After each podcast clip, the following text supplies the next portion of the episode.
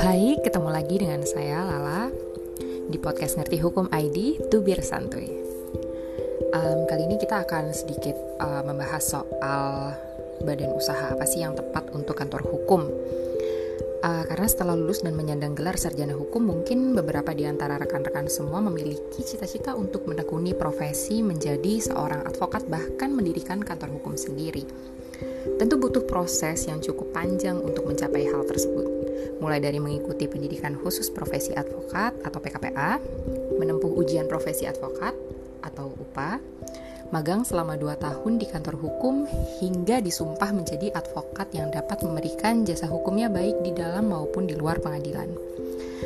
Nah, demi memperlancar pemberian jasa hukum sesuai dengan pasal 1 ayat 2 Undang-Undang Nomor 18 Tahun 2003 yang mengatur tentang advokat, jasa yang dimaksud yakni adalah jasa yang diberikan advokat berupa memberikan konsultasi hukum, bantuan hukum, menjalankan kuasa, mewakili, mendampingi, membela, dan melakukan tindakan hukum lain untuk kepentingan hukum klien. Tak jarang juga sebagai seorang advokat memilih untuk mendirikan kantor hukum sendiri untuk dapat merealisasikan keinginan pemberian jasa hukum terhadap klien sesuai dengan yang dicita-citakan. Nah, sebelum mendirikan kantor hukum sendiri, ada baiknya untuk mengenal beberapa bentuk badan usaha yang kerap digunakan para advokat di Indonesia. Perlu diingat bahwa sebetulnya kantor hukum ini sifatnya tidak dibatasi pada suatu bentuk badan usaha tertentu. Akan tetapi, pada praktiknya kantor hukum ini berbentuk yang pertama usaha perseorangan, firma, atau bahkan persekutuan perdata. Pada dasarnya, undang-undang advokat sendiri mengatur tentang sepanjang seseorang telah memiliki izin sebagai advokat, maka yang bersangkutan dapat menjalankan profesinya tersebut, baik seorang diri maupun lebih dari satu advokat.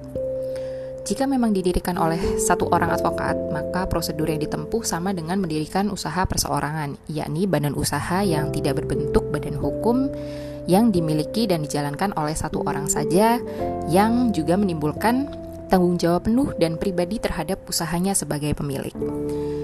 Sedangkan jika lebih dari satu orang advokat, rekan-rekan dapat memilih antara bentuk badan usaha firma ataupun persekutuan perdata.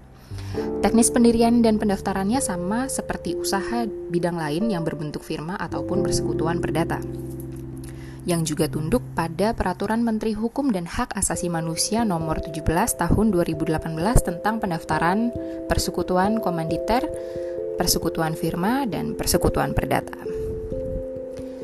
Nah, sekian podcast Tubir Santuy kali ini yang membahas tentang badan usaha kantor hukum.